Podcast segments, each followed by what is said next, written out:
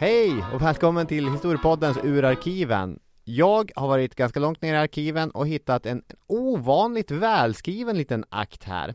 Det tycks vara någon sinnrik frihetstidslirare som författat det. Och med säker stil så har pennan skrivit Februari 2017 Avsnitt 140 Svenska språkhistorier.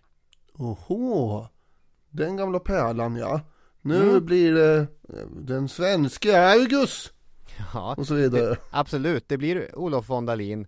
Men också en resa hur svenska språket blev svenska språket. Ja, Det kan låta torrt, men det är faktiskt en riktigt intressant berättelse. ja det är ju, von Dalin är ju inte en torrboll. Nej, det är han verkligen inte. Och Gustav Vasa, jo då, han är med. Han har ett finger med i spelet. Överallt. Ja, mycket nöje. Det är inte lätt att bli äldre, men det kan samtidigt vara nyttigt att lära känna nya sidor hos sig själv. Förra året märkte jag för första gången i mitt liv att jag har en stark konservativ sida. Det var en speciell fråga som väckte det hos mig när det började diskuteras om de och dem. Ska vi hålla på med det verkligen? Kan vi inte bara skriva dem? Och då vaknade en mycket konservativ farbror i mig som tänkte att hur svårt är det att göra skillnad på subjekts och objektsform? Är det så jävla mycket att kräva? Men som historien kommer visa oss så förändras språk vare sig man vill det eller inte. Så mitt lilla gubbraseri mot de marodörerna, det kan jag lika gärna spara till någonting annat. Idag blir det språkhistoria i historiepodden. Och det är inte bara torrt och tråkigt utan det är på liv och död. Eller ja, det kan vara intressant i alla fall. Så häng med, nu kör vi!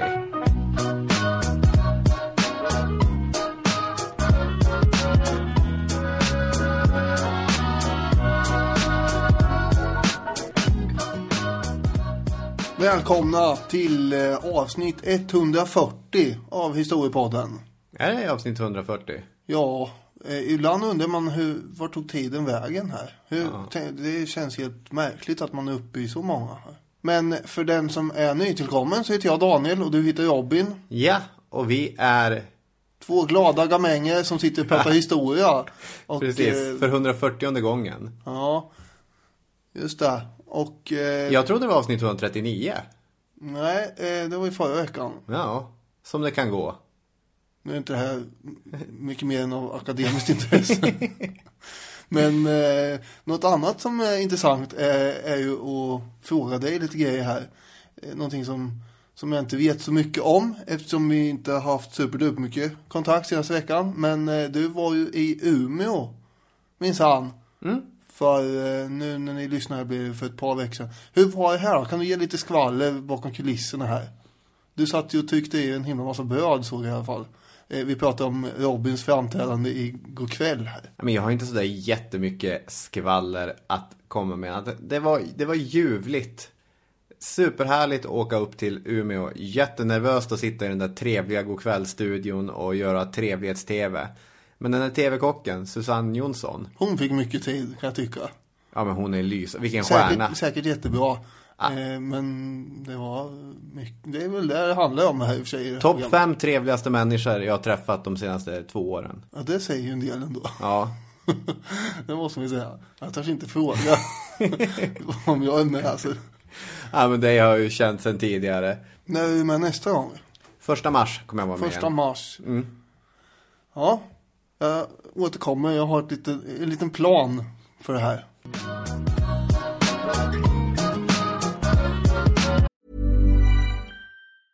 Everyone knows therapy is great for solving problems, but getting therapy has its own problems too, like finding the right therapist, fitting into their schedule, and of course, the cost. Well, BetterHelp can solve those problems. It's totally online and built around your schedule. It's surprisingly affordable too. Connect with a credentialed therapist by phone, video, or online chat, all from the comfort of your home. Visit betterhelp.com to learn more and save 10% on your first month. That's BetterHelp, H E L P. Life is full of what ifs. Some awesome, like what if AI could fold your laundry? And some, well, less awesome. Like what if you have unexpected medical costs? United Healthcare can help get you covered with Health Protector Guard fixed indemnity insurance plans. They supplement your primary plan to help you manage out of pocket costs. No deductibles, no enrollment periods, and especially no more what ifs. Visit uh1.com to find the Health Protector Guard plan for you. There's never been a faster or easier way to start your weight loss journey than with PlushCare.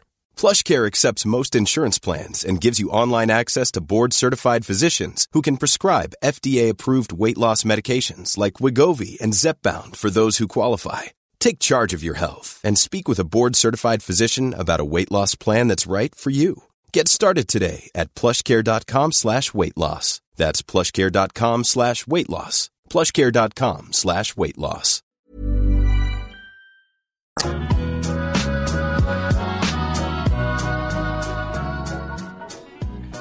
Du, jag tänkte börja med att låta som en B-uppsats. Därför att om vi ställer upp en frågeställning, varför förändras språk? Det tänkte jag försöka ge någon sorts övergripande förklaring till. Men eh, skaka av mig den här torraste B-uppsatsgrejen, ta på mig en mysig kofta istället och så kör vi, se vad det blir av det här. Språkförändringar sker i alla språk, hela tiden. Men det sker i regel över ganska lång tid och därför så kan det vara svårt att upptäcka det. Språköverföringen från en generation till en annan generation, den är aldrig hundraprocentig. Utan den är 98 eller 97-procentig eller så. Det är någon liten grej som förändras. Och det märker vi inte från en generation till en annan generation. Men sett över två eller 300 år så kommer förändringen vara väldigt påtaglig. Och då kommer vi märka att god damn, nu här har det hänt någonting med svenskan. Men det kan vara svårt att upptäcka det här och nu. Sen kan språk också förändras på olika sätt. Det kan förändras på ljudnivå, det kan förändras på lexikalisk, det vill säga ordnivå, eller det kan förändras på grammatisk nivå. Man kan ju tillägga här bara för den nya lyssnaren att Robin är ju svensklärare. Eh, så han vet exakt vad han pratar om här. För en gångs skull vet jag vad jag pratar om. Nej, det var inte så, det var inte så jag menade. Du Nej. gör det alltid. Men eh, nu är det ju väldigt varm i kläderna här. Jo, det här har jag väl hyfsad koll på i alla fall. Det kanske säger sig självt, men Nu är det blygsam. Oj, oj. Det kanske är sig självt, men ordnivå är ju den nivå som är lättast att höra. När man byter ut ord, några blir utdaterade, några kommer in, då hör man här har det skett en förändring. Men egentligen så är det de andra, kanske ljudnivå och inte minst grammatisk nivå som gör störst skillnad. Sett till helheten. Kan du ge några exempel här innan jag somnar? Ja, vi kommer alldeles strax in på exempel. Ja, men till hur man böjer ord, vilka ändelser du har i slutet av ord. Det är ju ganska tydliga exempel. Och kommer du ihåg när vi pratade om religion förra veckan? I och med kristendomen och de, den gamla romerska hedniska religionen. Hur är det nu när en religion börjar konkurrera ut den andra religionen? Det tar tid. eh, oj. Eh, ja, De existerar parallellt. ja, precis. Och så är, det med, så är det med språk också, att två varianter av språket kommer att finnas samtidigt. Och lite grann tävla mot varandra innan den ena slår ut den andra.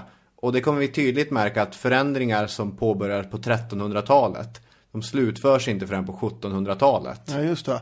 Och det här är en ganska lång process då får man ju säga. Men ibland så händer det också att det kommer mer konkreta förändringar. Och då är det ju inte bara, då är det mer ryckvis. Att man bestämmer att nu ändrar vi det här. Så det är inte bara en enda lång sträcka av eh, process och. Så. Nej, precis. För om man då ytterligare ska förtydliga det, skulle jag vilja säga. Då kan man kolla, vad säger de olika lärda om det här med språkförändringar? Då har vi Östendal som är en riktigt så här gammal pålitlig språkprofessor. Gamle gode Östen, vad tycker han? Jo, han tycker att man kan dela in språkförändringar i externa och interna faktorer. Interna faktorer, det är hur språket påverkas inifrån. Vi säger att vi börjar slarva med ett uttal, göra förenklingar. Och över många, många generationer kommer språket från insidan förändras på det sättet. Men en extern faktor, det är kanske att det flyttar hit en massa tyskar och börjar prata tyska med oss. Och då bombarderas vi utifrån. Eller vi får en ny teknologisk möjlighet som påverkar språket. Vi kan skicka sms, vi kan trycka böcker. Och när det är sån extern påverkan, då kan det gå mycket, mycket snabbare. Man kan även som språksociologen Jan Einarsson har gjort lyfta fram att språkpåverkningar de kan etableras från två håll. Den kan komma uppifrån och det kan komma nerifrån. Alltså de kan vinna bred acceptans bland den stora folkmassan och på det sättet bli en del av det etablerade språket, vare sig kung och riksdag och allt vad det nu är vill det eller inte. Men så kan det gå rakt motsatta vägen också. Att en grupp eller ett fåtal personer med väldigt hög social eller ekonomisk prestige börjar med en språkförändring. Och så i någon sorts trickle down grej så kommer det etablera sig även i breda folklager. Var kommer den här du-reformen in i, i bilden? Om den kommer uppifrån eller Ja, nerifrån. det är ju han, eh, den här, ja, han var generaldirektör. Ja. Bror hette han väl? Just det. Jag kommer, Rex, faktiskt, ja, jag kommer faktiskt inte ihåg vad, vad, den, vad han hette. Men det skulle man ju säga. Dels kommer uppifrån då. Att eftersom det är en generaldirektör som säger åt oss hur vi ska eh, titulera varandra. Men å andra sidan så påverkas ju du-reformen av att samhället i stort hade blivit mer jämlikt. Just det, så folk var ganska redo för det här. Ja, jag menar det. Det klassiska brukar ju vara alla tyska låneord handlar om handel och hantverk. Det har kommit nerifrån och upp. Alla franska låneord handlar om societetsliv. Parfym, maräng. Ja. Det har kommit uppifrån och ner. Språk förändras hela tiden. Jag kan vara hur konservativ jag vill, det spelar ingen roll. Nu har vi lite teori. Vi ska gå vidare på några konkreta exempel.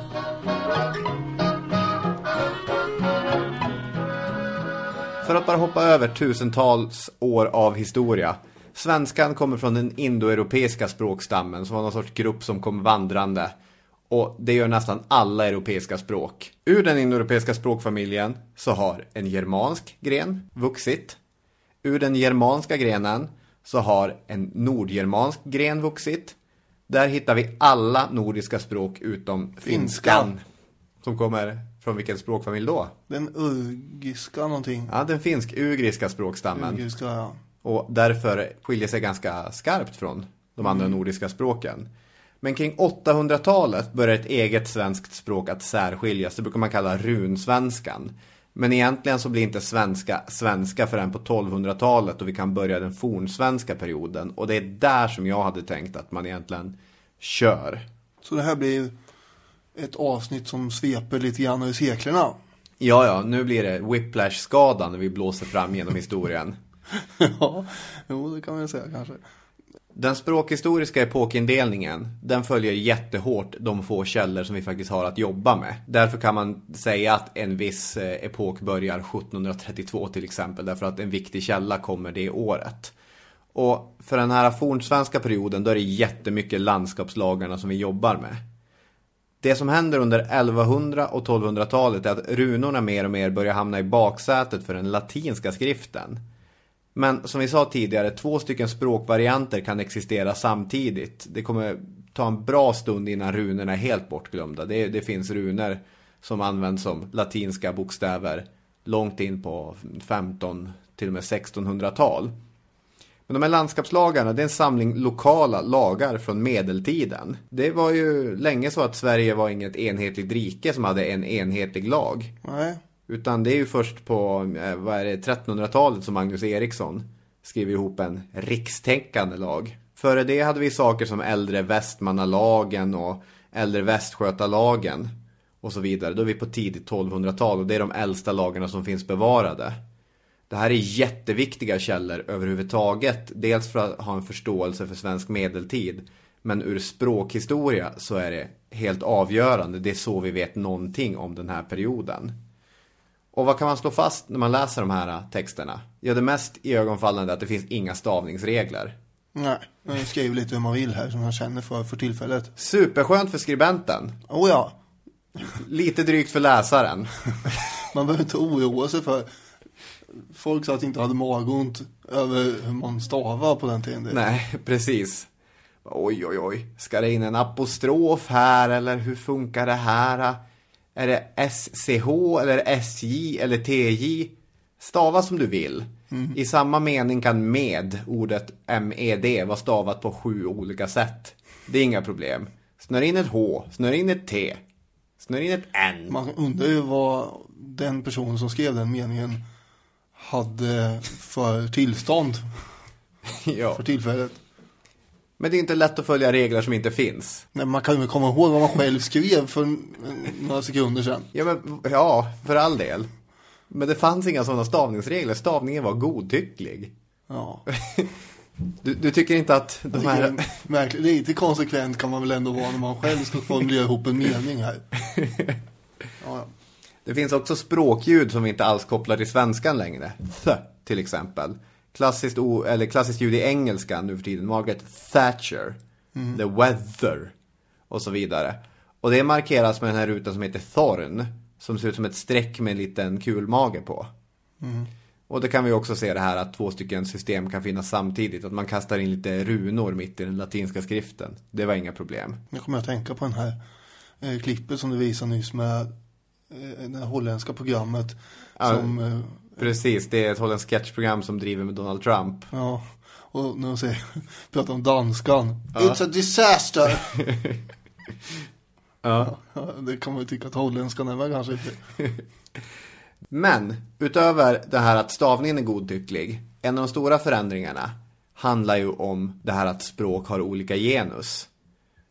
Och nu, oj oj oj, nu är det jobbiga flashbacks där ute för alla som läste spanska, franska och tyska.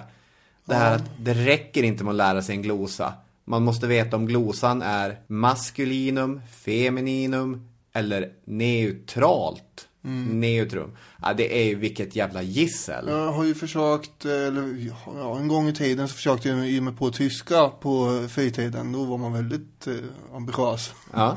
Det var mycket med de där formerna som sagt. Så att eh, intresset rann väl ut sanden sen. Lite grann. Men eh, det är ju väldigt mycket med det. Men vi hade ju det här också. Ja, precis. Alltså, det är inte så konstigt i och med att germanskan är den språkstam ur vilket nordiskan är sprungen. Och, nej, och, och det finns ju rester kvar av det här. Klockan, hur mycket är hon? Ja, vad är hon? Mm? Inte den, utan eh, klockan är en hon. Och det var ju ett feminint ord i, eh, i fornsvenskan. Det här har ju inte direkt med eh, biologiska faktorer att göra. Nej. Utan eh, det är ju helt grammatiska och eh, ganska oklara anledningar ibland till varför saker och ting könsbestämdes som de gjorde. Det finns ju i och för sig mönster. Ord som slutar på A eh, ingår ju ofta i en feminin form och sånt som slutar på er i en maskulin form. Och vissa spår av det där har ju kvar också att du säger Karl den store, men Katarina den stora. Ja, just det. Ja, men till exempel, en del maskulina ord är då, o, vad jag förstår, orm, himmel, häst, afton eller åker. Om åkern inte odlades ett år så sa man han ligger i träda. Mm, just det. Men som du sa innan från 1300-talet så förändras ju de här genusformerna. Eh, och man, eh, de flyter samman och, och så får man eh, förutom neutrum också något som kallas för utrum. Ja, Och eh, det är ju då den ja. Som förenklar rätt mycket känner jag. Ja, det blir jättebra att bara ha två genus. Det är den eller en. Och så har vi neutrum då. Det eller ett. Och ja, men vi kan dra lite jämförelser egentligen. För idag har vi något förenklat, men för sakens skull så tar vi det ändå. Vi har två genus, som vi sa. Dessutom kan de här två olika genus böjas i två kasus, alltså två olika former. Grundform, helt vanligt, och genitiv, ägandeform. Vad betyder det här nu? Hunden, hundens. Det är två olika kasus då. Det är väldigt enkelt, alltså svenskan har en har inte så otroligt många former. Under fornsvenskan så jobbade vi med tre genus och fyra kasus. Det låter rörigare rent spontant. Det låter rörigare rent spontant. Indoeuropeiskan hade antagligen åtta kasus. Finskan har 15. Men hur är detta möjligt? Vadå, hur är det? Hur kan de komma ihåg det här? All din vakna tid, dina tio första år vid livet eller vad det nu är, går ju ut på att lära dig språket. Du pluggar ju dygnet om. Det är därför barn sover så jäkla mycket. Jaha, du gör ett tvärsäkert uttalande om barn nu igen här. Ja men vadå, att barn lär sig språk är väl inte Ja, så? nej, det vet jag. Jag känner till det här också. det, det vet jag. Det här är ju på grund av att eh, vi har väldigt mycket tyskt inflytande här då. Eh, Handelsmän och köpmän som kommer på 1300-talet. Och eh, det viktiga är väl inte alltid att eh, vara väldigt noggrann med eh, hur man böjer saker och ting. Utan det gäller att göra sig förstådd ju.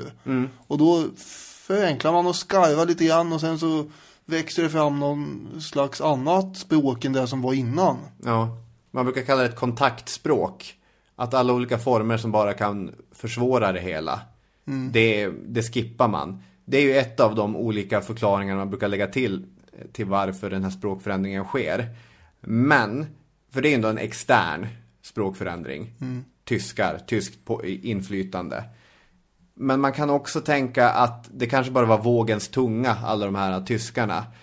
Antagligen så är det här en intern förändring som har pågått under mycket lång tid. Alltså genom att uttalet långsamt börjat förändras och flera av de här ändelserna som markerade genus och kasus hade försvunnit. Språket i sig självt höll på att sanera onödiga former. Så grammatik kan vara självreglerande ibland. Fantastiskt, tycker jag. Men det här kommer vara kvar ändå till 1700-talet. Vi, vi behöver inte gräva mer i 1300-talet, men jag tycker ändå man ska känna till det här att den moderna svenska grammatiken, grunderna på, till den läggs på 12 och 1300-talet. Bra. Sen kan man bara... Sen är vi på 1500-talet.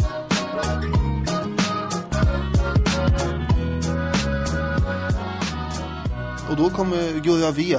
Da, da, Inte. Gustav V utan Gustav Vasa. Ja, Och eh, slänger in eh, Nya Testamentet på svenska i leken år 1526. Och sen kommer Gustav Vasas bibel år 1541. Och allt det här blir mycket enklare att göra med hjälp av boktryckarkonsten. ja. Och man börjar prata svenska istället för latin i, i kyrkorna. Mycket av det här hänger väl samman med att Sverige håller på att bli en nationalstat. Helt och hållet kanske till och med. Och en nationalstat behöver ett språk som ska vara kittet som håller samman det. Det är en process som finns i många olika länder vid den här tiden.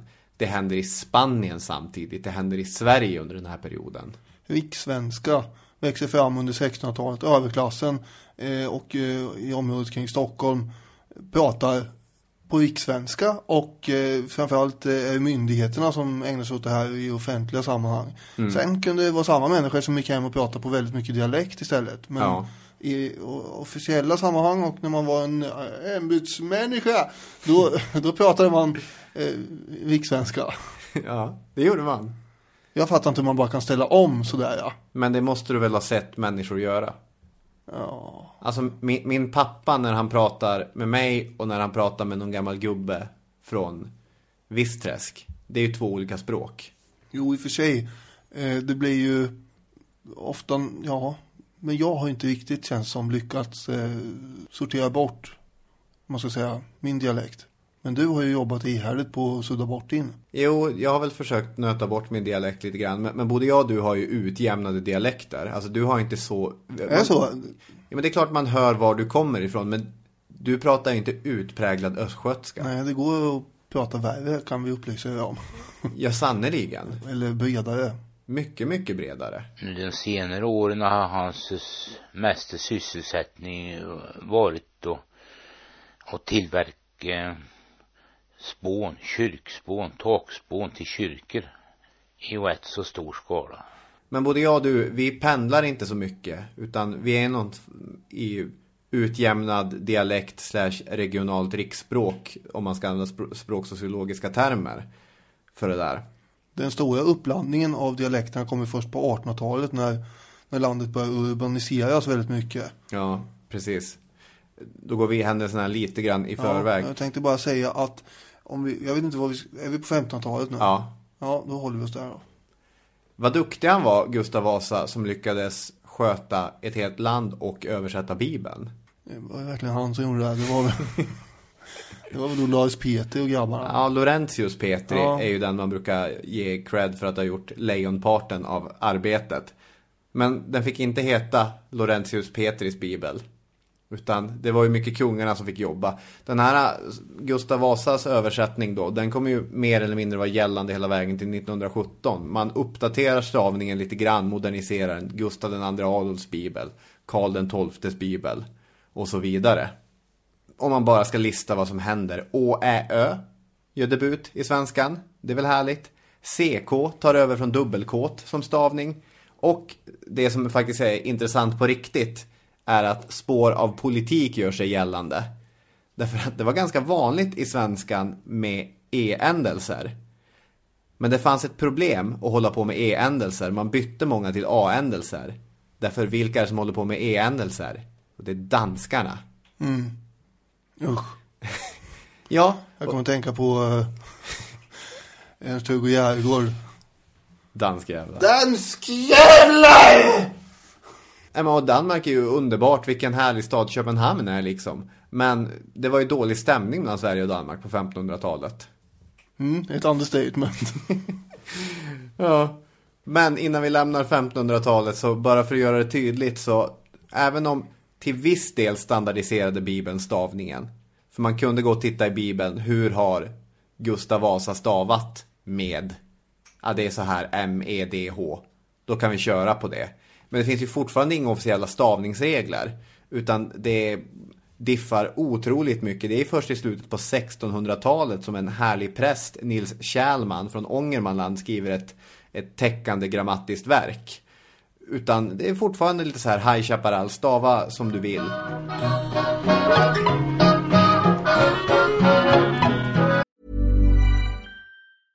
Everyone knows therapy is great for solving problems, but getting therapy has its own problems too, like finding the right therapist, fitting into their schedule, and of course, the cost. Well, BetterHelp can solve those problems. It's totally online and built around your schedule. It's surprisingly affordable too. Connect with a credentialed therapist by phone, video, or online chat, all from the comfort of your home. Visit betterhelp.com to learn more and save 10% on your first month. That's BetterHelp H E L P. Hiring for your small business? If you're not looking for professionals on LinkedIn, you're looking in the wrong place. That's like looking for your car keys in a fish tank. LinkedIn helps you hire professionals you can't find anywhere else, even those who aren't actively searching for a new job but might be open to the perfect role. In a given month, over 70% of LinkedIn users don't even visit other leading job sites. So start looking in the right place. With LinkedIn, you can hire professionals like a professional. Post your free job on linkedin.com slash people today. Burrow's furniture is built for the way you live. From ensuring easy assembly and disassembly to honoring highly requested new colors for their award-winning seating, they always have their customers in mind. Their modular seating is made out of durable materials to last and grow with you. And with Burrow, you always get fast, free shipping. Get up to 60% off during Burrow's Memorial Day sale at burrow.com slash ACAST. That's burrow.com slash ACAST. burrow.com slash ACAST.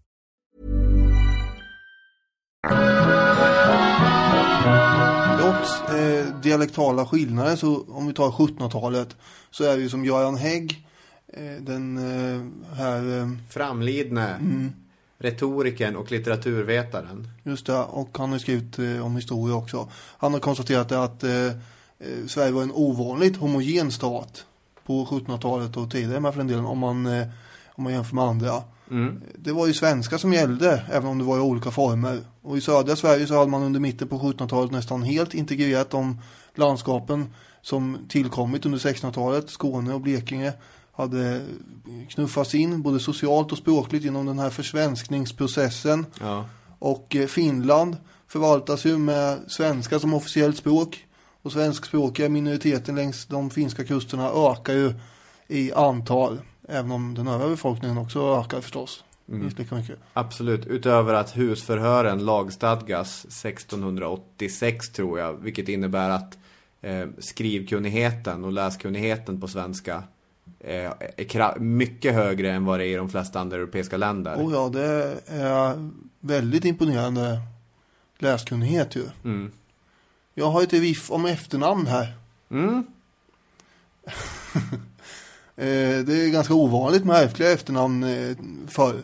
Och man eh, kopplar ju ofta det till sitt förnamn och sen där man bodde. Typ eh, Olle i mellangården. Ja, Olle på udden. Och det här ser man ju spår av i Ringarum. Där vi har eh, Bengt i Slängen. Eller Anders i Lögenäs. Eller eh, Bosse i Jordal. Är det här, är det, det måste man ju se ett spår av att det är fortfarande kvar i 1600-tals... Eh, nej men gud. Men, Ja, eller? om du så vill, absolut. Sen händer det grejer då eh, som inte hade nått ut till Ringarum men eh, 1626 i Riddarhuset då ärftliga namn kopplas till vapenskölden och då ska man kunna ta eh, det namnet som eh, man har kopplat till sin vapensköld och därmed så får man typ ett efternamn. Ganska mycket hittar man på också. Man tittar, vad fan har jag på min vapensköld egentligen? Men där är ju ett lejon och där är en fjäder. Jag ska vara av fjäderlejon. Just det. Eh, sen eh, följer ju borgarklassen efter och de tar ju ofta olika naturfenomen. Fenomen rent. Himmels... Strand. Strand kanske, eller mer troligt Lundgren. kanske inte ett fenomen visserligen. Soldatnamn kommer ju sen också eh, genom att befälen helt enkelt eh, tilldelar sina soldater olika tilltalsnamn. De är inte ärftliga från början, men kommer ju börja bli det under 1800-talet. Eh, ofta substantiv med någon slags militär anknytning, till exempel dolk.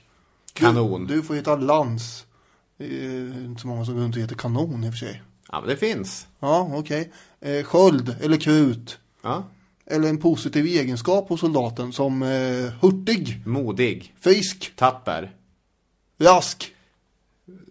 Sp- spektakulär. Känner du någon? Har du hört talas om nej, nej, jag, jag gick bet där. Ja, eller så är det en blandning av platsen man kommer ifrån. Eh, och till, till exempel Sundby i Södermanland som då kan man heta Sundström, Sundqvist eller Sundin. Ja. Eh, och på 1800-talet så kom de här patronymika efternamnen som eh, vi har. Olofsson och Hermansson. Mm. Där har vi, har vi efternamnen. Där har vi efternamnen. Efternamn är intressanta. Eh, det säger någonting om kulturen också. I, ja, men, I England till exempel är det mycket vanligare att du är döpt efter ditt yrke. Smith.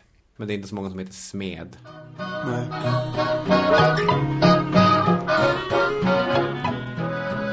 Nu har vi tagit oss kanske halvvägs eller så i ett historiepodden avsnitt utan att ha anknutit till någon aktör överhuvudtaget. Ja, Gustav Vasa får Jo, jo, Gustav Vasa och, och Laurentius Peter, Petrus och grejer, men vi har ju ändå en hjälte i svensk språkhistoria. Vi har ju faktiskt en jättehjälte här. Ja, och det vore väl själva blanka fan om vi inte kunde få prata lite grann om Olof von Dalin. Det är nästan så att vi viger större delen av avsnittet som är kvar åt Olof. Ja, precis. Vart börjar vi? Den svenske Argus.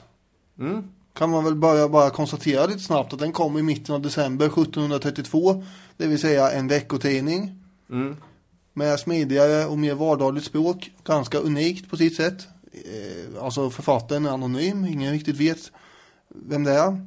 Om man ser andra tidskrifter som var eh, på den här tiden. Kanske fotbollsmatcher som är tråkiga brukar man benämna som ett sömnpiller. Och det var väl ungefär de andra texterna. Så han eh, hade ju kanske inte en mördande konkurrens direkt. Nej, det Den kan man inte påstå. Den, den svenska Argus gör ju megasuccé. Eh, Och eh, det är uppåt 800 nummer i veckan. Vilket var väldigt mycket då. Ja, det låter inte alls mycket, men man ska dels tänka på hur dyrt det var att trycka saker och även om det är högre läskunnighet i Sverige än i många andra europeiska länder så är det inte det är inte lika många som kan läsa 1732 som det är nu. Nej, Så att det- det var svårt att nå ut med jätte, jättestora upplagor. Det här var ju unikt för Sverige, det var inte unikt för Europa. Det fanns eh, brittiska motsvarigheter, till exempel The Tatler och liknande. Och ska man vara lite hård mot Dalin, vi kommer att hylla honom mycket, men hyfsat många artiklar, speciellt i början av hans publikation, det är bara översättningar. Alltså är det verkligen så? För vad jag eh, har sett så har han visserligen inspirerats väldigt mycket. Men han har sen format det utifrån sitt eget huvud. Ja, det är fria översättningar, Okej. men ändå. Men det är ju kopplat till svenska förhållanden. Och det kan ju inte gärna de ha skrivit om i England eller Tyskland. Nej, men det är inte så att han uppfinner den här formatet Nej. med den moraliserade veckotidningen, utan det är ett färdigt koncept som han plockar från England. Men det kommer få väldigt, väldigt stora eh, påverkningar i Sverige.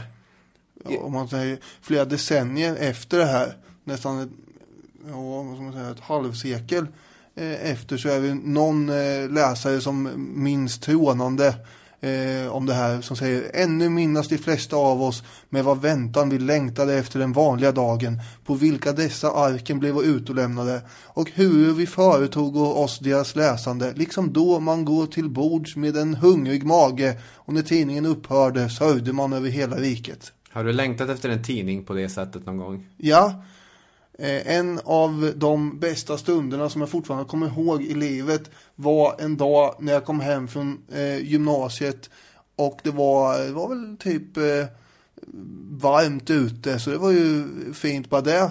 Det var en fredag, man hade hela helgen framför sig. Och jag gick och tog en Pepsi och slog upp min nyinkomna ramland, inramlande kalanka. Mm. Kalanka Company. Det såg man alltid fram emot. Ja, superfint. Jag tyckte att ehm, um, Novell, musikreportagetidningen som fanns några år var, var väldigt, väldigt bra. Så att så, när man går och längtar, snart ett nytt nummer, snart ett nytt nummer. Språket är i sig själv inte hårt som tyskan. Inte hopplockat som engelskan. Inte uppblåst som spanskan. Inte vekligt som italienskan. Inte obändigt som polskan. Inte vilt som ryskan. Inte bräkande som danskan. Etc. Det är lent och likväl starkt. Rent och likväl rikt. Enfaldigt och likväl högt. Tappert och likväl vackert. Mm. Dalin gör sig själv till en försvarare av det svenska språket och menar att det har vanvårdats här. Och det är sådana, han förenklar ju saker och ting. Han, han skriver ju så som man pratar lite grann. Han skriver ta istället för taga och eh, bli istället för bliva. Mm. Och det är ju förenklingar. Ja, förtydliga språket, gör det lätt förståeligt och gripbart och roligare också. Och denna svenska som man beskriver, det där är ju ett citat från den svenska Argus då, ett av de klassiska citaten som alltid hamnar i, i översiktsverk. Och svenskan är ju ett av världens vackraste språk. Det språk som August Strindberg, Thomas Tranströmer, Edith Södergran och så vidare skriver på. Nu raljerar jag såklart, men jag tycker att svenskan är ett väldigt fint språk. Det är, jag hade ju inte blivit svensk lärare om jag inte hade känt den här Vad är det du raljerar? Jag hängde inte med här. Ja, men jag raljerar kring att svenskan skulle vara världens vackraste språk. Ja, det är svårt att veta när man inte kan alla andra. Nej, och jag menar alldeles oavsett om polskan är obändig och danskan skulle vara bräkande och allt vad han nu Fast det sa. är det nu. Olof, It's a disaster. Danish, total disaster. German is not even a real language. It's fake. It's a fake language. Vad fan Hillevi? jag tänkte man kunde bara säga någonting om hur fick den här personen den här idén? Han kommer från en bakgrund av präster, idel präster i hans familj. Och oddsen var väl synnerligen låga på att han själv skulle bli präst. Han var 24 år när Argus utkommer första gången. Ja, det är ju väldigt tidigt också. En, en ung talang. Eh, men istället så kommer han lite grann på omvägar hamna i Lund och börja plugga under Anders Rydelius. Anders Rydelius var en filosof som sysslade med retorik samt allmän filosofi om förnuftet. Det som gör honom remarkabel i sammanhanget är att Rydelius är den första svenska filosofen som överger latinet för svenskans skull. Han kunde skriva titlar i stil med Nödiga förnuftsövningar för all slags studerande ungdom som vill hava sunda tankar. Det är en bra titel. Det är en bra titel. Det är ofta ganska långa titlar. Ja, verkligen. Om man vill vara lite självgod så kan man påstå att vi verkar i Rydelius anda. Eftersom att vi, likt honom, med humor och begriplighet försöker göra svåra ämnen hanterbara. Det är väl vårt skrå. Och det här att Dalin var Rydelius lärjunge kommer att påverka honom, både med humor och med begriplighet som ju blir ledord i Dalins egen gärning. För i början av 1700-talet hade vi en väldigt spretig språksituation. Där de grammatiska förändringarna från 1300-talet fortfarande pågår, har sina dödsryckningar. Det är inte helt tydligt om man ska skriva hon, han eller den, det. Man ser bägge förekomma i texter. Där det inte finns någon enhetlig stavning och där tidens barockideal, du vet det svulstiga, överdrivna, håller på att göra texterna helt omöjliga att läsa. Allt var inte på tok. Läsförståelsen var högre i, i Sverige än i många andra länder. Och man började så smått grunda alla de här äh, akademierna, Vetenskapsakademin och Svenska akademin som också verkade för språket. Linné fick pengar för att skriva på svenska, Anders Celsius fick pengar för att skriva på svenska. Men det är ändå en knepig språksituation som Olof von Dalin börjar rodda i.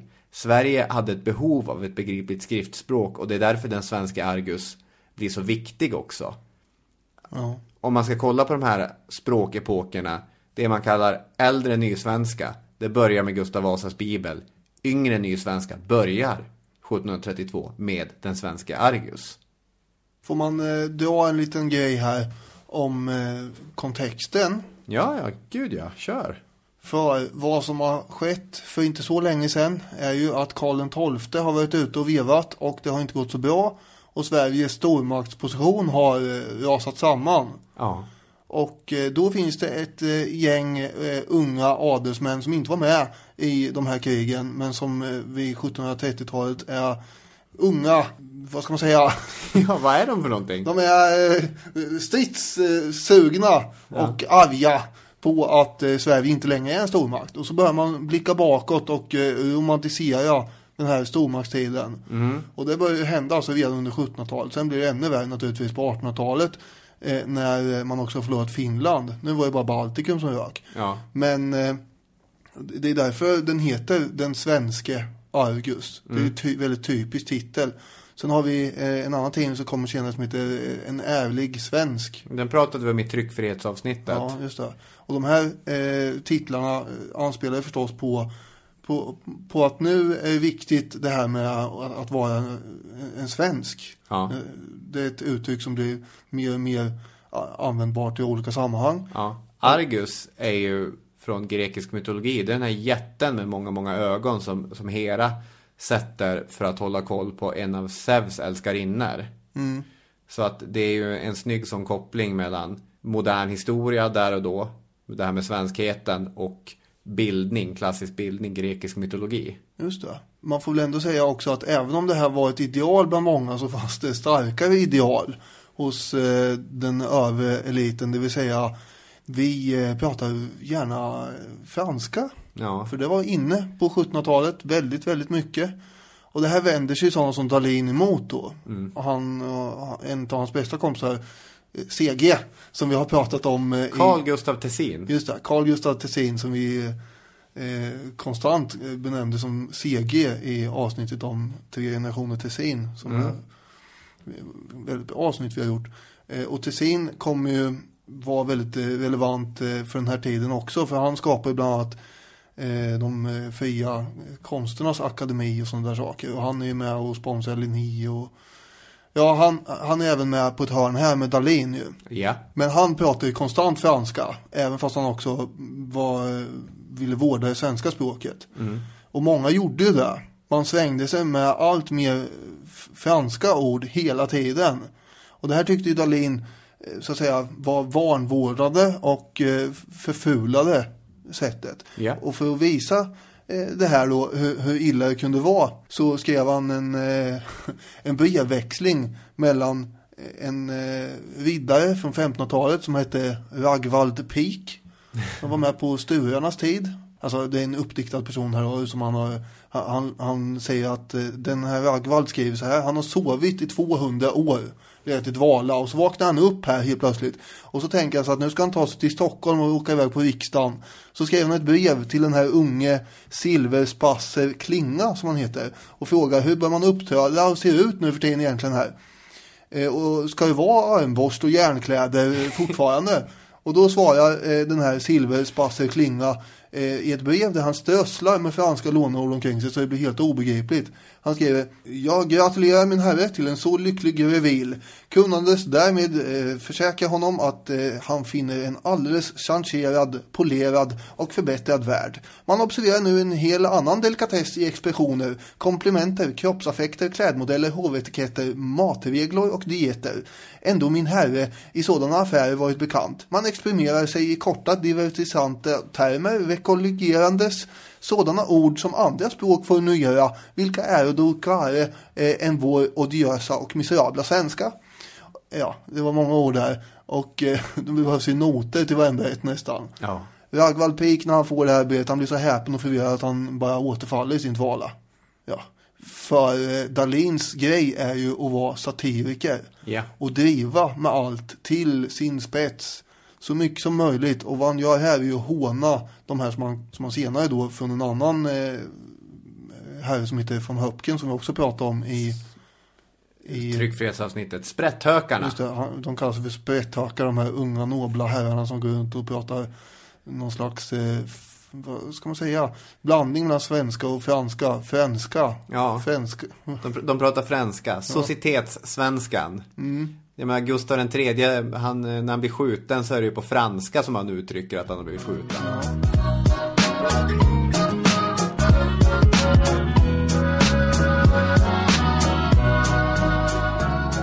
Den svenska Argus kommer bara ut i två år och sen är den borta. Men den gör en återuppståndelse. På 1750-talet sen. Mm. I en betydligt sämre variant när han själv sitter som redaktör.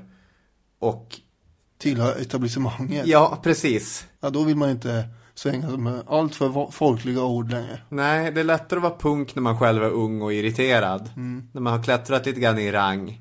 Blivit privatlärare på hovet och så vidare. Mm. Men man får väl ändå ge att han har ju inte släppt sin eh, satiriska ådra ändå. Nej. Det gjorde han ju aldrig. Eh, Och eh, drev väldigt mycket med saker och ting. Men det var ändå mer friserat. Mm. Det som är speciellt med Dahlin är också att han är den första som skriver om Sveriges historia för tusan. Ja, för allmänheten i alla fall. Ja, och på svenska. Mm. Ja, det har ju skrivits om svensk historia tidigare, Olaus Magnus och så på 1500-talet. Men jag menar, det här är ju begripligt. Ja. Eh, och eh, i enlighet med upplysningen så avlivar han ju myter på löp- löpande band. Det är ju mycket det här går ut på. Och han tar ett större grepp på historien än vad man gjort tidigare då man bara har pratat om eh, eh den ene kungen och den andra kungen och, och sådär. Nu är det ju liksom mer grejer det handlar om när han skriver. Det här var ju inte någonting som alla uppskattar. Vi har en eh, biskop och riksdagsledamot som heter Anders Olai Ryselius, vilket är ganska likt den här Rydelius som du pratade om innan. Icke förväxla dessa två. Han blev helt förskräckt och arg inför det här faktumet att Dahlin hade skrivit på ett så ledigt sätt eh, om landets historia. Det var ju det var en seriös sak det här. skulle man inte hålla på och skriva sådär lättsamt om. Precis, det är ett allvarligt ämne. Det kräver ett allvarligt eh, språk och tonfall. Ja, Dahlin eh, bygger ju inte sina slutsatser på eh, den här 1600-talsprofilen Olof Rudbeck. Som var en, en gigant på 1600-talet när Sverige var en stormakt. Ja. Och han hade ju dragit ganska långtgående slutsatser om vad Sverige hade haft för påverkan och, och så på världshistorien före de, vi blev en stormakt. Precis, svenskan var ett av de språken som talades direkt efter att Babels torn föll. Just ja. Eh, och nu går ju Dahlin in eh, för fulla muggar för att eh, sabla ner de här rudbeckianerna och deras eh, storvulna och eh, ganska uppfinningsrika historieskrivning. Deras vanföreställningar om man så vill. Eh, det finns ju fortfarande rudbeckianer på 1700-talet som inte alls vill släppa den här bilden. Nej, absolut inte. Inte minst eftersom eh, det mycket av det hänger ihop med Bibeln. Mm. Och har sådana förklaringar. Då är det klart att en biskop tycker att eh, Rudbeck hade ju rätt i de saker som han har sagt här. Och då skriver Dalin en eh, text med den långa eh, titeln Visdomsprov eller herr Arngrims Bärsärks förträffliga tankar över ett fynd i jorden.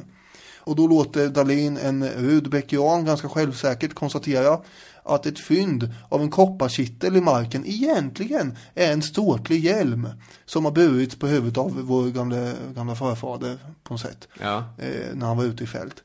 Eh, och man ska inte låta sig luras här av att hjälmen såg ut som en kopparkittel.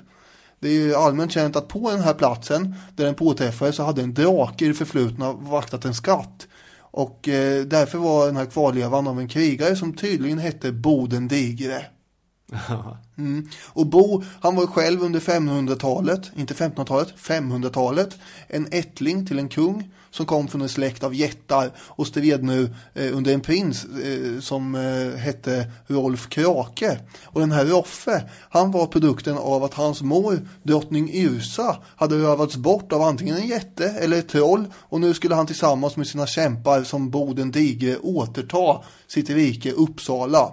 Och allt det här om drakar och jättar och troll och tappiga krigare med hjälmar och släktled fram och tillbaka. Det kunde den här lärde rudbeckianske vetenskapsmannen utläsa av den här hjälmen som hade hittats av en dräng och som för vanligt folk såg ut som en kopparkittel. Ja. Och det här är ju en eh, väldigt vass drift med de här udbeckianerna. De hittar på helt enkelt en himla massa saker runt någonting de har grävt upp någonstans. Mm, han gör sig lustig på deras bekostnad. Det kan man lugnt säga. Han kommer ju naturligtvis att bli eh, åtalad för både hädelser och majestätsbrott och allt möjligt sånt där konstigt. Sen, sen är han ju väldigt, han är ju kopplad till hovet vartefter så de gillar ju honom. Dalins parodi på de här udbeckianernas historiska synsätt var ju inte jätteöverdrivet heller. För istället för att dra sådana här bibliska referenser så, som han gör i den här texten, sitt stora verk som kallas för Svea rikes historia, så baserar han de här slutsatserna på naturvetenskap. Eh, Bland annat till exempel att en stor del av det här landets yta låg under vatten för tusentals år sedan. Ja.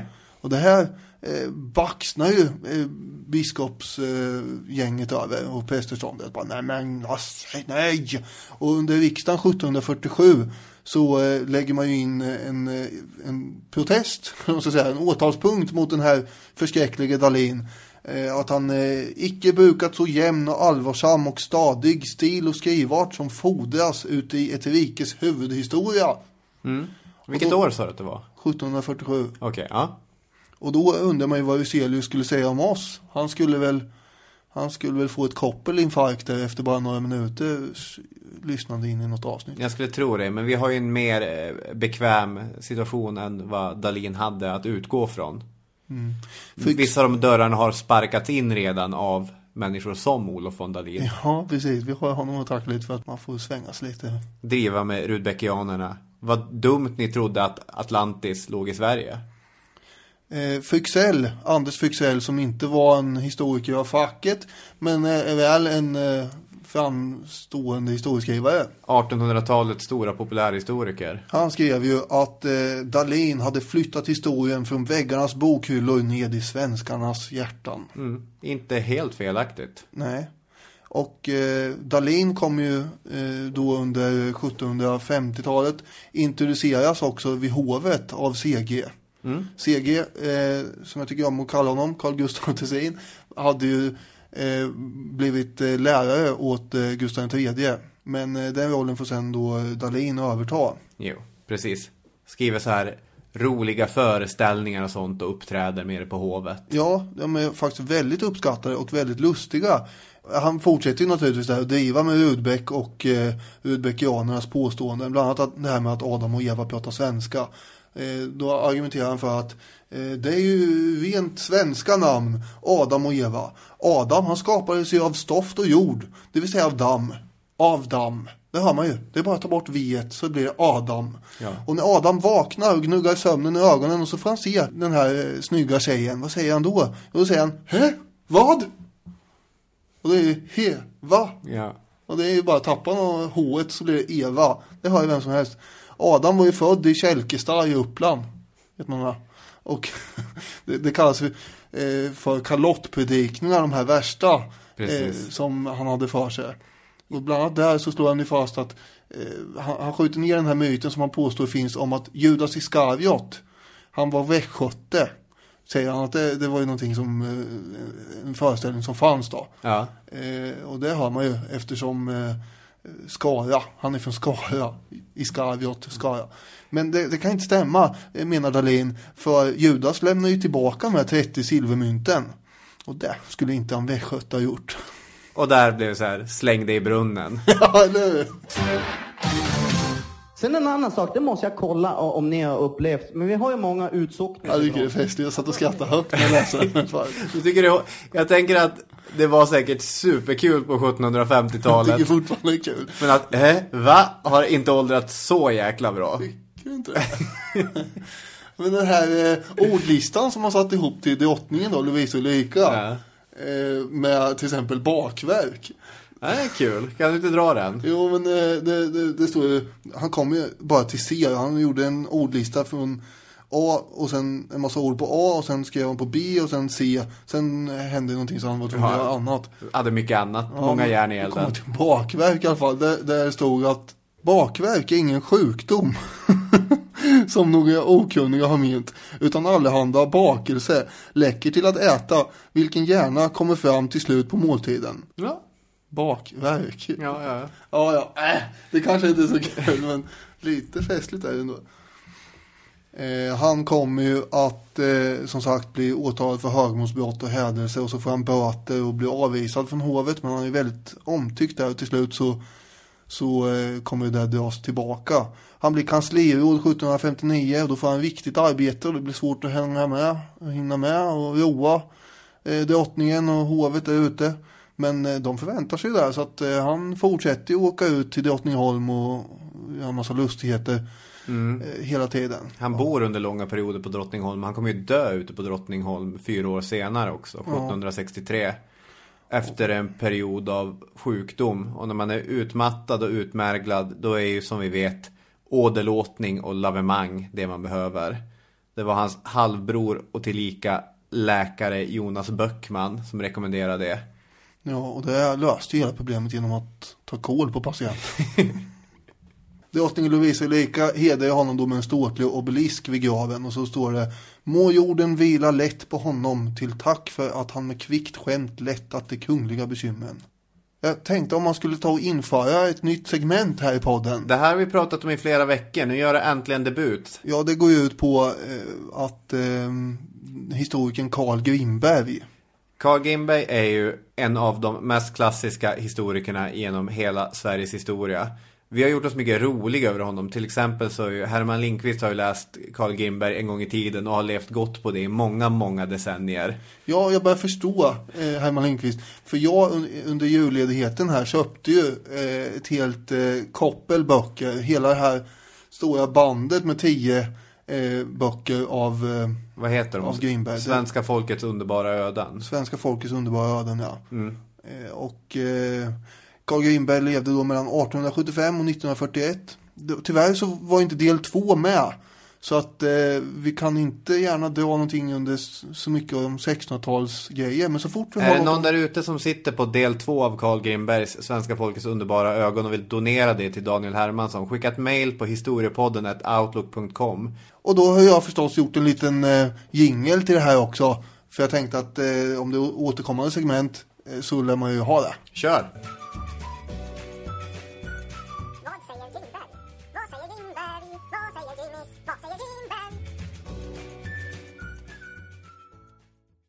Och de där Piff och Puff-rösterna är jag inte glad i alltså. Gillar du inte smurfrösterna? Nej. Jag trodde du skulle sjunga på riktigt. Att vi skulle ha en sån här riktigt fet eh, smetig jingel. Jag är, jag är jättepepp på segmentet. Men då får vi väl göra om den här någon gång då. Jag Ja. tyckte att eh, man brukar alltid skicka eh, grejer med smurfröst. Och det är kul, trodde jag att du tyckte. Det tyckte jag inte. Nej, du menar alltså att jag ska sjunga med min röst här på, på fullt allvar? Ja. Ja, men då kan du få vara med på det här kan jag säga.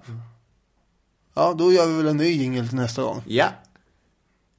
Vad säger Grimberg? Nu blev det dålig stämning här kände jag. Nej. Grimberg säger så här om eh, Dalin.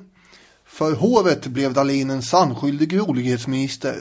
Alltid var han till hands i rätta stunden med ett lyckat skämt eller en smådikt. Regnade det så skrev han en visa över regnet. Sken solen så kunde han dikta om henne också. Han kunde skriva en sång över en solfjäder som gått sönder, hålla en lovprisande oration över ljussax, en gris eller en markatta eller författa grundlig betraktelse över en fläskpannkaka. Hans kvickhet och goda lynne sinade aldrig. Han kunde få hela håret att kikna av skratt när han satiriserade tidens lärdomspedanter inom fornforskningen eller andra områden. Det är en lång rad av sådana roliga prosasatirer över den dåtida akademiska seden att djupsinnigt utbreda sig över struntsaker som flödat ur Dalins aldrig sinande ymnighetshorn. Han har hållit en strängt vetenskaplig betraktelse över en kam. Han har givit rätt begrepp om en kork. Jämförelser mellan Augustus och en stekrova. Så kunde Dalin göra allt mellan himmel och jord till ämne för lärda föreläsningar. Han överdrev i dessa satirer inte så mycket som man skulle kunna tro. Faktiskt är att man på denna tid i vissa universitet höll disputationer över ett sådant ämne som om påfågeln vore till för stjärtens skull eller stjärten för påfågelns. Vilken formuleringsglädje. Ja, eh, Grimberg är inte dålig heller här som sagt. Har vi någon kommentar på det? Ja, det är väl mest för att ge lite extra must här. Ja, musten är fylld. Men jag tycker också att det är, det är tänkvärt och intressant att han gör allting väldigt roligt, eh, Dalin, och eh, lättsamt här. Ja. Han driver ju eh, med den här eh, grejen att överanalysera saker och ting väldigt mycket. Och det är därför han är en jävla hjälte, Ja. Olof von Dalin. Ni har hört Vad säger Grimberg? Svenska Akademin bildas 1786 eh, och eh, har aderton medlemmar. Enda anledningen till det är för att Gustav III tyckte att aderton lät väldigt fint och ålderdomligt och elegant. Det är ett fint ord. Ja, och en av de här medlemmarna hette ju Oxenstierna.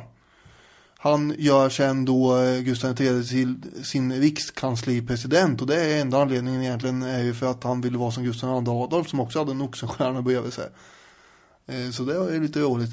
Eh, Sen så kommer han ju att avskaffa hela riksrådet eh, 1789 och då behövs ingen rikskanslipresident. Men då har han ju redan haft en Oxenstierna bredvid sig ett tag.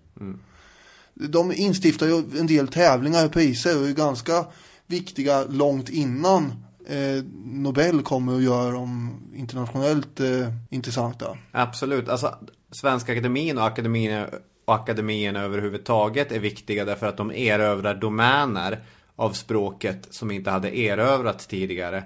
Gustav Vasa erövrar liksom den kyrkliga domänen. Men den vetenskapliga och för den delen konsten och litteraturens domän. Det är ju med alla de akademierna som grundas på 1700-talet som de vinns över och blir svenska.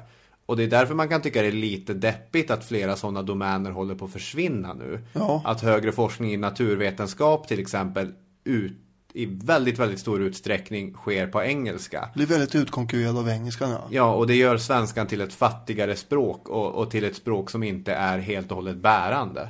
På, på 1700-talet så var ju latinet det som, som man skrev på om man vill bli internationellt erkänd. Och det gjorde ju Linné och Swedenborg eh, till exempel. Men latinet eh, genomgår ju en eh, utfasningsperiod under 1700-talet. Gustav III lärde sig aldrig latin till exempel. För det Nej. behövdes inte, ansåg man. Utan det var, räckte gott med franska. Och på samma sätt så håller ju svenskan som då vinner domän, domäner istället under 1700-talet nu på att göra domänförluster. Precis. Och det är ju sorgligt som du säger. En del tävlingar som man införde då eh, och gick om, av stapeln här eh, är ju intressant. Särskilt den första eh, som är då en eh, tävling i vältalighet och ämnet är äreminne över Lennart Torstensson. Den här, ja, den här eh, gamla eh, hedliga fältmarskalken på Ja, 1600-talet. ska vi gråta över 30-åriga kriget här. Ja, precis. Gissa vem som vann? Jag kan tänka mig att Carl Gustaf Tessin vann. Det hade ju varit rimligt. Men nu råkar det vara så att eh, hans kungliga majestät Gustav III vann. Ja, det är ännu rimligare. Ja, dock så eh, hade han ju lämnat in bidraget anonymt. Och då finns det folk som har forskat i det här. Eh, visste akademin att det var han? Det är klart som fan att de visste det. Ja, fast då har de kommit fram till att det, det visste de kanske inte. Han fick ju hjälp naturligtvis av en eh, kammartjänare att eh, skriva. För han kunde inte stava riktigt och han kunde inte eh, uttrycka sig så himla bra. Vad hette den här franska baronen som grundade moderna OS? Coubertin. Just det. Var, han skick, skickade ju in den här dikten till OS i diktning anonymt och råkade vinna. Mm. Ja, jag tror naturligtvis också att det är någon som har eh, liksom på någon avväg så har den här informationen nått eh, akademin om den författarens identitet är och sen bara råkar det bli att ja nu, nu vann du här. Det var även kungen som hade föreslagit ämnet Ja. eh, är minne över Lennart Torstensson. Men han, så han var den första att vinna ett pris som akademin instiftade och det är ju inte en jätteöverraskning ändå. Grattis Gustav, får vi säga. Det sista jag har här om eh, Svenska Akademins eh, insats eh, är när man ger skalden Carl Gustav av Leopold i uppdrag att normera den svenska stavningen. Eh, och då kommer han ut med sin eh, text här 1801 som heter Avhandlingen om svenska stavsättet. Ja, Det är en mer konkret titel än, än somliga andra här. jag börjar bli lite koka ihop det där. Det är en väldigt betydelsefull insats för språket eftersom det är här som reglerna om dubbelteckning av konsonant kommer. Till exempel så skriver man ju san med två n men sant med ett N. Mm. Känna med två N, men känd med ett N. Mm. Och det här ska tydligen Leopold själv haft eh, svårt att hålla sig till, fast det är han som har så att säga formulerat ihop det här. Det här ger en gemensam språkform i skrift för, för språket som eh, efter förlusten av Finland 1809 är helt dominerande då, det svenska språket. Och förlusten av Finland förut eh, genererar på det stora hela eh, mest bara traumatisk ångest eh, för det som man kan kalla för restsverige, dagens Sverige alltså. Men eh, i, i den traumatiska ångesten så framkommer ju några av de mest litterära och omtalade skildringarna. Jag tänker Runebergs Fänrik Ståls sägner och sådär. Mhm. Det här är ju grejer som, som är relevanta. Fortfarande idag? Nej men för svenska språkets Ja, eh, absolut. och så. Absolut. Och de är inte relevanta ur historisk synvinkel heller för det är ju bara Det är ju skönlitteratur. Ja det får man ju säga. Ja. Men det är ju som det är rele- relevant menar jag. Absolut. Som du är inne på egentligen, 1800-talet är ju nationalismens århundrade. Och ett exempel är att det sker en väldigt aktiv skolpolitik. Inte minst genom att vi får en folkskolereform 1842. Som innebär att nästan hela riket kommer bli läs och skrivkunnig. Samt att alla får lära sig samma sak. Nu hade vi ju skrivregler, stavningsregler från 1801. Nu är det bara att undervisa kidsen i det. Eh, vilket i förlängningen kommer slå hårt mot de grupper i Sverige som inte hade svenska som modersmål. Finnarna, samerna och så vidare. Det är ju inte förrän år 2000 som vi faktiskt får en minoritetsspråksskyddslag i Sverige. Och nu gör man försök att stärka och rädda de här språken. Men det är inte lätt att blåsa liv i döende språk. Som vi var inne på alldeles i början, när, vi, när man väl är inne på 1900-talet så kommer vi, det kommer ju präglas av en dialektal utjämning som en följd av radio och tv, riksmedia, men framförallt den ökade rörligheten. Men vad jag tycker är mer intressant att ta med sig bara som en avslutande grej i ett språkhistoriskt avsnitt är att fram till 1906 så kontrollerades stavningen på, eh, på svenska av riksdagsbeslut. Man fattade stavningsreformer. Hur vi egentligen ska stava. Att när man man kunde lägga fram förslag. Den sista 1906 den läggs fram efter det att folkskolelärarna har kampanjat under lång tid att det är svårt att lära barnen att stava därför att stavningsreglerna är för krångliga. Mm. Och då får man igenom en sån förändring. Så jobbar vi absolut inte längre. Nej, sådana som du sitter ju och motverkar då alla typer av förändringar som kan förenkla. Fast, ja, fast just en stavningsreform, det borde vi ha. Det borde vi ha haft för länge sedan. Men inte med de och dem. Nej, inte det och dem. Vad ska det gälla då? Ske-ljudet. Aha. Hur många sätt har vi i svenskan att stava ske-ljudet? Ja, det är en del. Om du gissar, eh, gissa i, i tiotal. 20? 65. 65 olika, nej. Jo. Sätt att stava ske-ljudet. Ja. Det här är då eh, källa Sveriges Radio Språket. Där kan man gå in och kolla listan. Det är CH, CHE, COS, DSK, GE, GI, J, JE, RC, RDES, RGE, RGS, RNS, RSJ, RSCH, RZ, RDS, RLS. Jag fattar. Det här är för många. Ja, eh, det kan man ju slå fast. Och det gör det till ett jävelskap att lära sig språket om man inte redan kan det. Mm. Men det är, stavningsreformer har alltid varit jättesvåra att genomföra. Därför att vi har ju lärt oss det här. Ja, det är ju svårt att bara vända på en, ja, vad brukar man säga, atlantångare. Ja, precis. Och ska vi fatta ett beslut som över en dag gör all den här kunskapen vi bär på felaktig. Ja, nej, det går inte. Men oavsett om språkförändringar kommer internt eller externt, uppifrån eller nerifrån, hur man än förhåller sig till dem så kommer de. Språket är levande. Det, det är ett av dess innersta kvaliteter. Men det finns in, inte någon möjlighet att någon enskild eh, aktör som Dalin skulle kunna ramla in nu och göra en sån här stor förändring på något eh, makabelt sätt. Mm, Det skulle man kunna göra. Kan man göra det? Att, eh, jag menar, det är ju, det finns ju så himlens mycket text nu för tiden. Det var väl ändå enklare på 1730-talet eh, föreställer jag mig, att eh, dyka in och påverka. Såklart. Men jag menar, svenskan hade ju förenklats även om inte Olof Dalin hade varit den personen som gjorde delar av det här arbetet.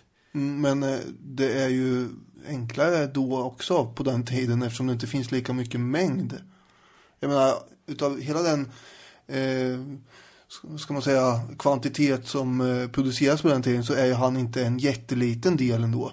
Nej. Men idag, om någon skulle skriva en, eh, ett blogginlägg bara, nu tycker jag att vi ska ändra här, det kommer ju bara bli helt uppslukat i all annan ofantliga eh, Ja men det finns rymd för, av ja, förvisso, men det finns väl personer som når väldigt stor, eh, en stor grupp människor.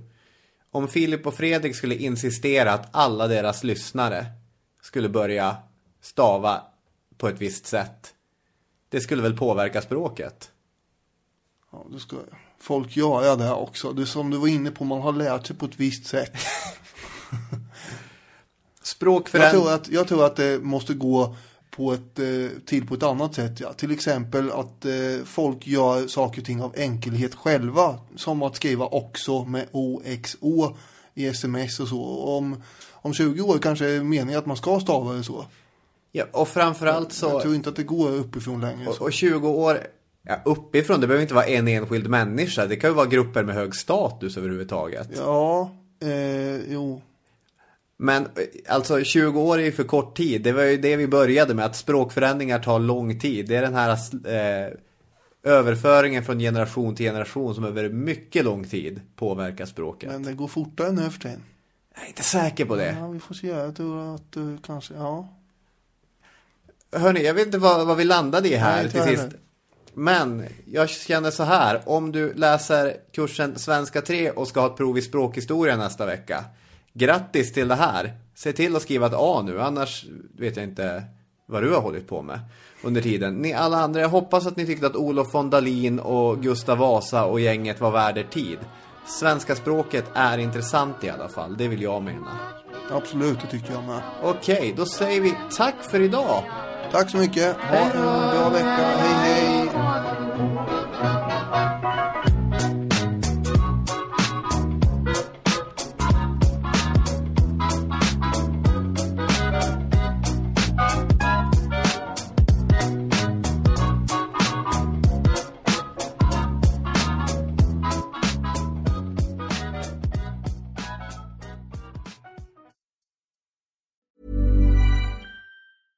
Hey, it's Paige DeSorbo from Giggly Squad. High quality fashion without the price tag. Say hello to Quince. I'm snagging high-end essentials like cozy cashmere sweaters, sleek leather jackets, fine jewelry, and so much more. With Quince being 50 to 80% less than similar brands. And they partner with factories that prioritize safe, ethical, and responsible manufacturing. I love that. Luxury quality within reach. Go to quince.com slash style to get free shipping and 365 day returns on your next order. Quince.com slash style.